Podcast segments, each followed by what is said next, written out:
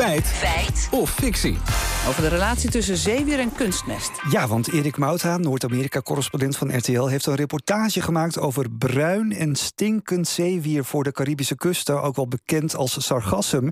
Hij twittert daarbij... de algebloei is extreem dit jaar... mogelijk door kunstmest dat via rivieren een warmere zee instroomt. Dus die kunstmest die zorgt dan voor uh, explosieve groei van dat sargassum voor de, voor de kust. Ja, ik vond het een gek verhaal, dus we hebben even gebeld met marinebioloog Irene Kingma... en zij legt allereerst even uit wat dat sargassum precies is. Sargassum is een soort zeewier dat uh, gevormd wordt in de, in de open oceaan, midden in de Atlantische Oceaan. In het gebied dat heet het ook de Sargassumzee.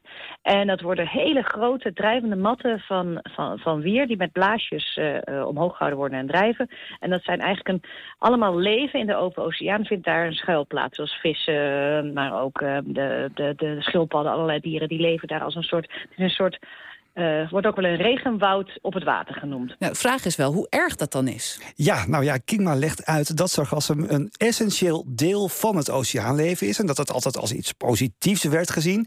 Maar ja, nu is er sprake van iets te veel van het goede.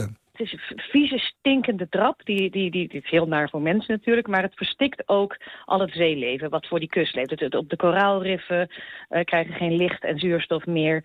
Um, uh, zeeschildpadden die willen nestelen op de stranden komen niet door die matten heen en die raken erin verstrikt. Dus dat, er is echt nu echt wel een heel groot probleem. Maar er is ook goed nieuws, want Jaap van Hal, coördinator van zeewieronderzoek bij TNO, legt uit dat sargassum een seizoensgebonden probleem is. Er komt enige maanden per jaar veel sargassum en daarna niets. Dus wij zoeken naar oplossingen die op korte termijn toegepast kunnen worden en uitdagingen aanpakken van de locatie waar het land zodat het kan bijdragen aan bijvoorbeeld de circulaire economie. Nou, dus een seizoensgebonden probleem, maar alleen van de laatste tijd? Nee, volgens Kingma nemen sinds een jaar of tien uh, die bloeien van sargassums toe. En dan krijg je van die extra grote matten, vooral in het Caribisch gebied, van Brazilië tot aan Mexico. En het is volgens Kingma nog niet helemaal duidelijk waar dat nou precies door komt. Maar er is altijd sprake van verschillende factoren. Bijvoorbeeld door de kap van regenwoud in de Amazone. Dat er dus heel veel uh, voedingsstoffen en ook kunstmest uh, via de Amazone, wat natuurlijk een enorm uh, waterbekken is, in de Atlantische Oceaan komt.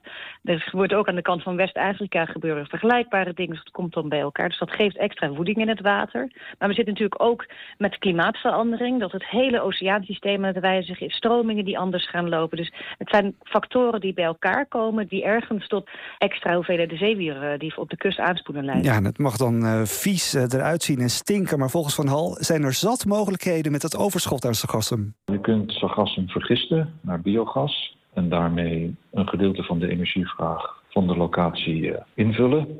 En de reststromen zijn mineralen. Dat zijn de nutriënten die zeewier uit de zee haalt en kunnen dan gebruikt worden in bijvoorbeeld landbouw als uh, natuurlijke nutriënten om planten te groeien voor de lokale voedselvoorziening. Gaan we terug naar het begin. Sargassum, dat bruinwier dat in grote hoeveelheden nu voor de kust in het Caribisch gebied te vinden is, dat wordt veroorzaakt door kunstmest dat via rivieren een warmere zee instroomt, nou, zegt Erik Maukla. Ja. Is dat feit of fictie? Nou, kunstmest zorgt er zeker voor dat sargassum kan groeien, maar er speelt veel meer. Ook de kap van het regenwoud in de Amazone zorgt voor extra voedingsstof in het water en door klimaatverandering zijn stromingen weer anders gelopen. Dus het is deels een feit.